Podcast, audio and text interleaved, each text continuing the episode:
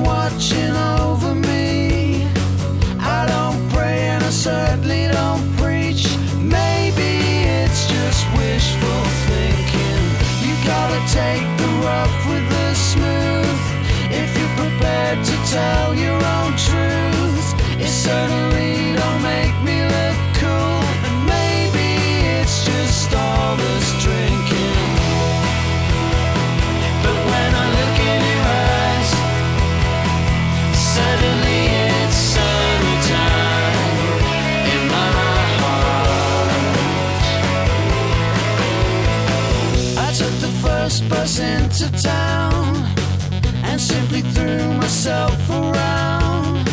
It wasn't big and it certainly wasn't sound, but might it